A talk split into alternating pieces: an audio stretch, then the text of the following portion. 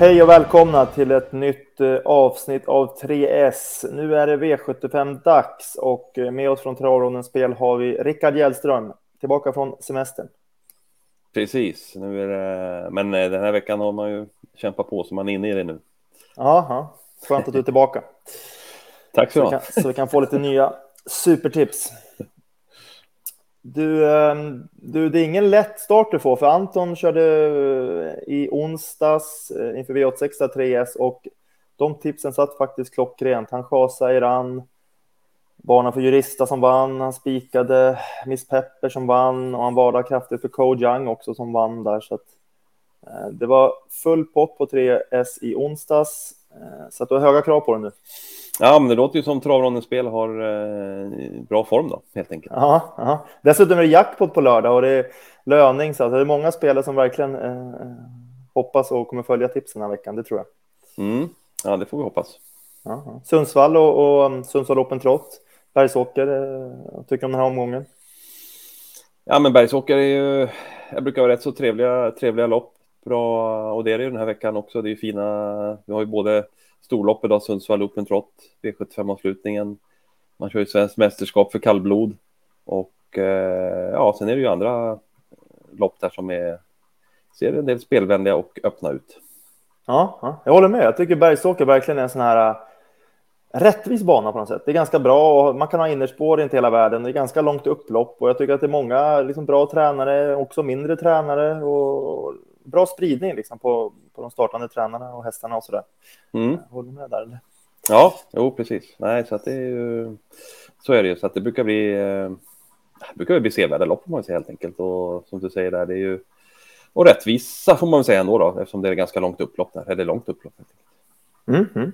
Sevärda lopp och eh, tips som är värda att följa kommer nu. Eh, vi drar igång med första rubriken som är eh, spiken.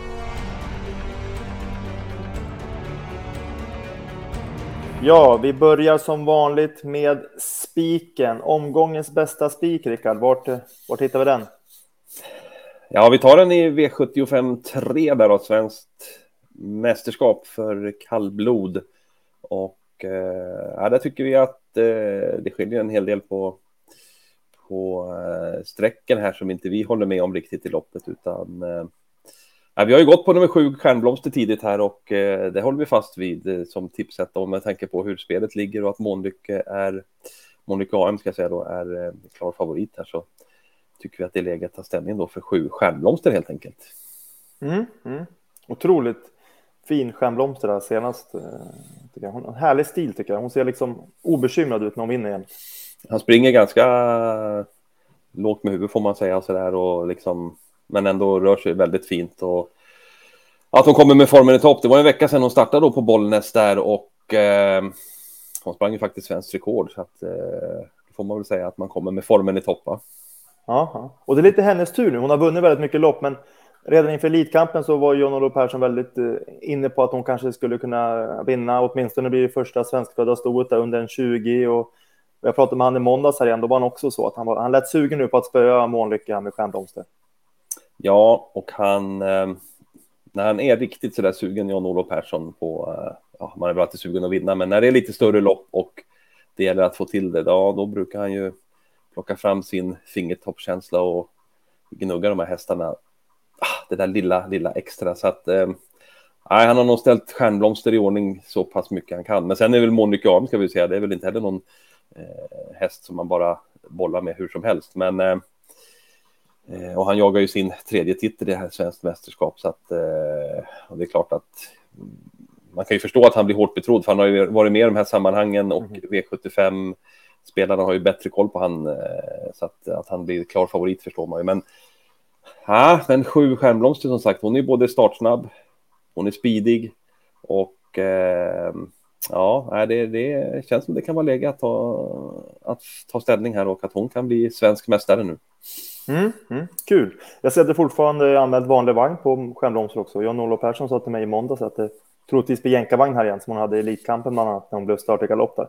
Han sa han ska, om jag hittar en sån så, så blir det jänkarvagn och det brukar inte vara så svårt på, på V75-dagarna att hitta en jänkarvagn på stallback.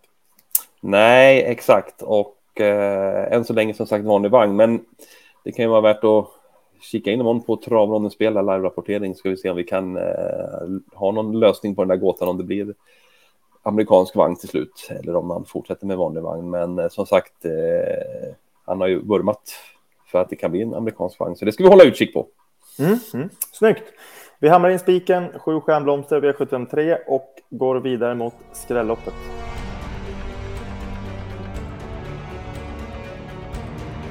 Ja, nästa rubrik är alltså skrälloppet. Loppet där det är eh, förhoppningsvis, eller där vi tror att det kan komma en stor skräll. Eh, Rickard, hur många blad måste vi bläddra innan vi kommer till skrälloppet? Vi bläddrar från V75 3 till V75 4. Och det är väl ingen skräll att det här är ett diamantstorlopp då, för det är väl väldigt ofta som vi hamnar på dem när det gäller skrällopp, får man väl säga. Ja, det känns som att det ofta är de här storloppen med 15 hästar. Ofta är de utspridda, ofta de här diamantstoet är det ju tre volter också, men det är ofta de här storloppen som är den skrälloppet tycker jag. Mm, så är det ju. Vi har ju en favorit här i åtta, Ivanka Amok ska vi säga, som har varit väldigt duktig här nu i två raka segrar och svarade för ett väldigt fint slutvarv senast när de vann på Soala på en mycket bra tid. Så att eh, det är väl inte så konstigt heller där att vi har en, en favorit i åtta, Ivanka Amok med tanke på hennes insatser. Men eh, ja, vi tycker ändå att hon har seglat iväg lite väl långt av, eh, på, på procenten där. Vi hade ju 36 i segerprocent på henne där. Eh, dessutom har hon ju ett spår långt ut bakom bilen och man kan ju notera också att hon har ju varit iväg på några långresor tidigare där. Det har varit Axvalla, Jägersro, Tingsryd och då har det slutat med placeringarna sexa och så har hon galopperat två gånger. Så att eh, ja, det blir en bit att åka till Bergsåker nu mot de hon har tävlat på tidigare, Sobala och Eskilstuna. Så att vi litar väl inte helt på henne den här gången och tror att det kan skrälla här då eftersom hon är stor favorit finns det ju många lågprocentare bakom. Mm, mm. Bra spaning där med resorna. Det är, det är en häst som i alla fall i historiken också har mycket galopper så att, att hon har spelat över 50 procent när hon nästan galopperar hälften av starterna är ju vara där så ska man liksom börja vara lite försiktig. Um, vilka vill du lyfta fram? Vi vill gärna att du lyfter fram några i skrälloppet och några som ja, måste ha med. Exakt. Eh, jag nämner nummer ett, Infinity Sisu som är andrahandare, för den tycker jag ändå är, håller bra kapacitet och barfota runt om intressant. Men det finns ju risk att hon blir över från start här, så är det ju naturligtvis. Men eh, jag nämner henne. Men sen har vi ju två eh, mera lågprocentare som ska nämnas här. Nummer sju, Go Pepper Girl. Har gjort bra insats hela tiden på eh, slutet här och eh, är ju dessutom startsnabb så att eh, trots spår långt ut så borde de kunna hamna bra på det här och ja, kanske kan få loppet här så det, den ska man ta med. Och sen nummer två, Russell Square, som ju står ännu bättre till dem i andra spår. Också en startsnabb häst. Eh, som visade fin form före de två senaste loppen. De varit ute i V75 och där har det strulat en del. Eh, bland annat senast de fick någon galopperande häst framför sig och så. Men ja, det är fint formintryck där i, i skymundan och eh, första gången med Ulf Olsson upp här på en startsnabb häst som borde kunna sitta bra på det då. Så att vi läser ju nu när vi spelar in här eh, typ en procent på henne så att det är ju. Det är ju mumma om man får in en sån. Ja, verkligen. Jag, jag gillar det med Go Pepper Girl också, de här spårtrapporna. Att de har spår sju, de har tjänat mycket mer pengar än de invändigt. Men är de startsnabba så gillar jag det. Att de liksom, då spelar det ingen roll kanske man har spår tre eller sju om man ändå kommer bra till innan svängen så att säga.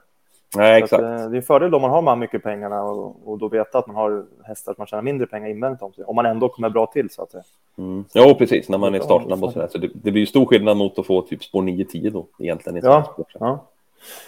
Jag vill varna för en häst bara. Det är en herre nummer fem, Golden Opportunity. Hon är Liselott Olsson där. Hennes hästar har gått väldigt bra i veckan. Hon och, och eh, Truls Andersen där, som har något samarbete där. Eh, de har visat riktigt fin form eh, under veckan faktiskt. Vunnit ett par lopp till och med och, och rekordsänkningar på alla hästar och så där. Så det verkar vara riktigt bra form. Mm, travprinsessan. Mm, precis, precis. Ja, jag varnar för den. Men vad bra. Vi garderar B754 och så jobbar vi in en skräll. Och så går vi vidare till chaset.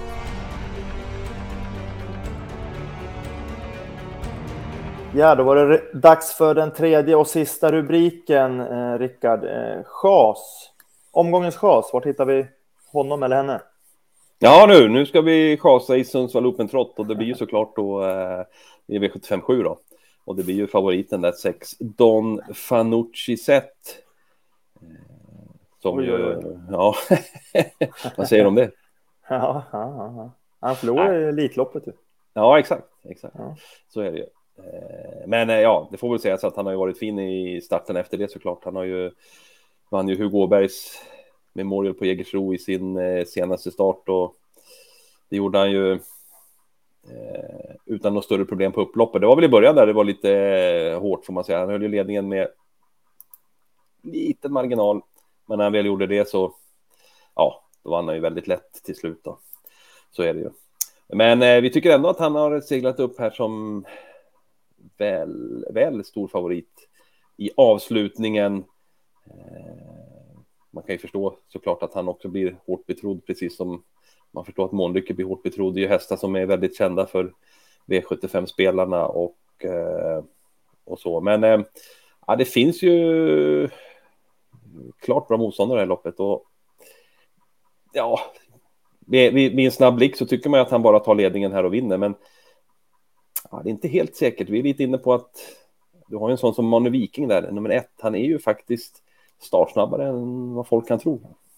Mm. Eh, man backar bakbandet till eh, Elitloppsförsöket i fiol där, då var han ju ja, nära att hålla ut Million Dollar Rhyme. Och eh, innerspår på Bergsåker, det är inte så tokigt. Det brukar ju vara rätt så bra ändå. Man får ju bra anlopp där så att tänk om Björn Goop håller upp ledningen här då. Ja, ja, jag håller med. Han var, nej, men ja. han var snabb där i Elitloppet. Där. Det var egentligen första gången som man laddade med honom också. Och mm. så nästan ut som att han ja, kunde svara ut Million Dollar Rhyme. Och, och, och nu så här, nu hästarna, nu har han blivit en, ytterligare ett år äldre. Ofta blir de lite snabbare med åren tycker jag. Och gå på ladda med honom tidigare nu så att han, ja, det känns som att han faktiskt, eh, jag håller med dig. Kan bli svårt mm. att lugga på ledningen. Björn Goop är ju ruggigt vass också när han har ett uppdrag så att hålla ledning. Han vet ju verkligen var, var gränserna går på hästarna och hur han ska göra för att liksom få iväg dem så snabbt det bara går. Ja, det skulle ju förvåna om man inte gjorde ett försök ändå. Eh, verkligen. Med tanke på hur dessutom hur hästen såg ut senast när han eh, spurtade Noby stora pris och spurtade ju förbi Hail Mary den gången där så att eh, att det är lyseform om man är viking, det är väl ingen tvekan om det. Nej. Men sen eh, ska man väl nämna även nummer tre, Best of Dream Trio, som också gjorde en eh, ruskigt fin avslutning där i Obos stora pris tyckte jag. Han, eh, ja, det är ju en häst som, han är ju bara på 5% nu då, så att den är ju också mycket intressant i det här loppet. Hur bra är han egentligen? Man, man har liksom inte riktigt fått sett botten igen där. I Färjestad där tidigare år satt han ju fast med rubbet där när San Motör vann det sprinterloppet där och senast var det ju ett eh, ruskigt vass ut i skymundan där mellan hästar. Han hade lika väl kunnat vinna det där Åby pris om han hade getts chansen liksom. Ja, han har inte riktigt eh, vissa, några sådana här lopp, han har inte riktigt fått den där eh, chansen kan man säga då att visa hur bra han egentligen är. Ja, men den här är, ja, mm. det är väl en häst för, han är med i eliten nu så det är väl inte så, men, men ja, får han chansen så, så kan han mycket väl vara vinnare i det här loppet, det tror jag i alla fall. Mm. Och får Fanucci sett, jag, jag vet inte, men det känns som att han vinner väldigt mycket sprinterlopp numera och sen är han så där blixtrande startsnabb. Han kommer ofta till ledning tycker jag, men ofta har han haft innerspår nu då. Nästan överflyglat senast. Annars har det inte så ofta. Det är inte så ofta han bara blixtrar till ledning när han har spår en bit ut och sådär, utan det har ju bara ofta varit eller med lite bakifrån i Elitloppet och Elitloppsförsöket från döden så alltså. Då är det kort distans och du är medel också så där så att det, Mm. Eh, man ska nog inte bara ta, alltså det är inte så att han bara blåser till spets utan att man liksom ens funderar kring det, utan kommer man till ledning lär han få kämpa om det och liksom ha lite flyt också, känns det verkligen som. Mm. Ja, så är det ju. Så att eh, det är väl lite det vi är inne på att han eh, seglar iväg som lite väl stor favorit här i avslutningen. Mm. Eh, som sagt, vid en första anblick kan det ju se ut som en spets och slut straffspark eller vad man ska kalla det för, men ja, riktigt så enkelt är vi inne på att det inte är den här gången faktiskt. Nej, nej, nej. Jag tippade det här loppet i måndags. Där. Jag vill bara lägga till det där för de som uh, kollat. När nummer 9 Stole the Show, där det står att han gick barfota sist i Norge, men enligt Frodo gick han med skor runt om där när han vann nordisk mäst eller norsk mästerskap. Nu är det barfota igen då såklart. Han är två bakom Don Fanucci där i Hugo Åberg. Det var bara 5 procent också, så den uh, barfota nu igen då från skor senast.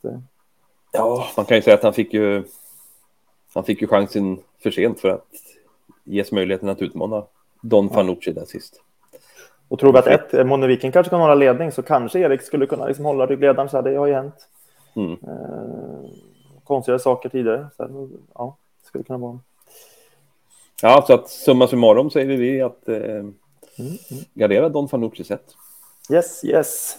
Vad bra, då var vi klara. Jag ska sammanfatta lite grann rubrikerna här. Eh, vi började med att spika nummer sju, Stjärnblomster, i V75 3. Eh, skrälloppet, vi garderar V75 4.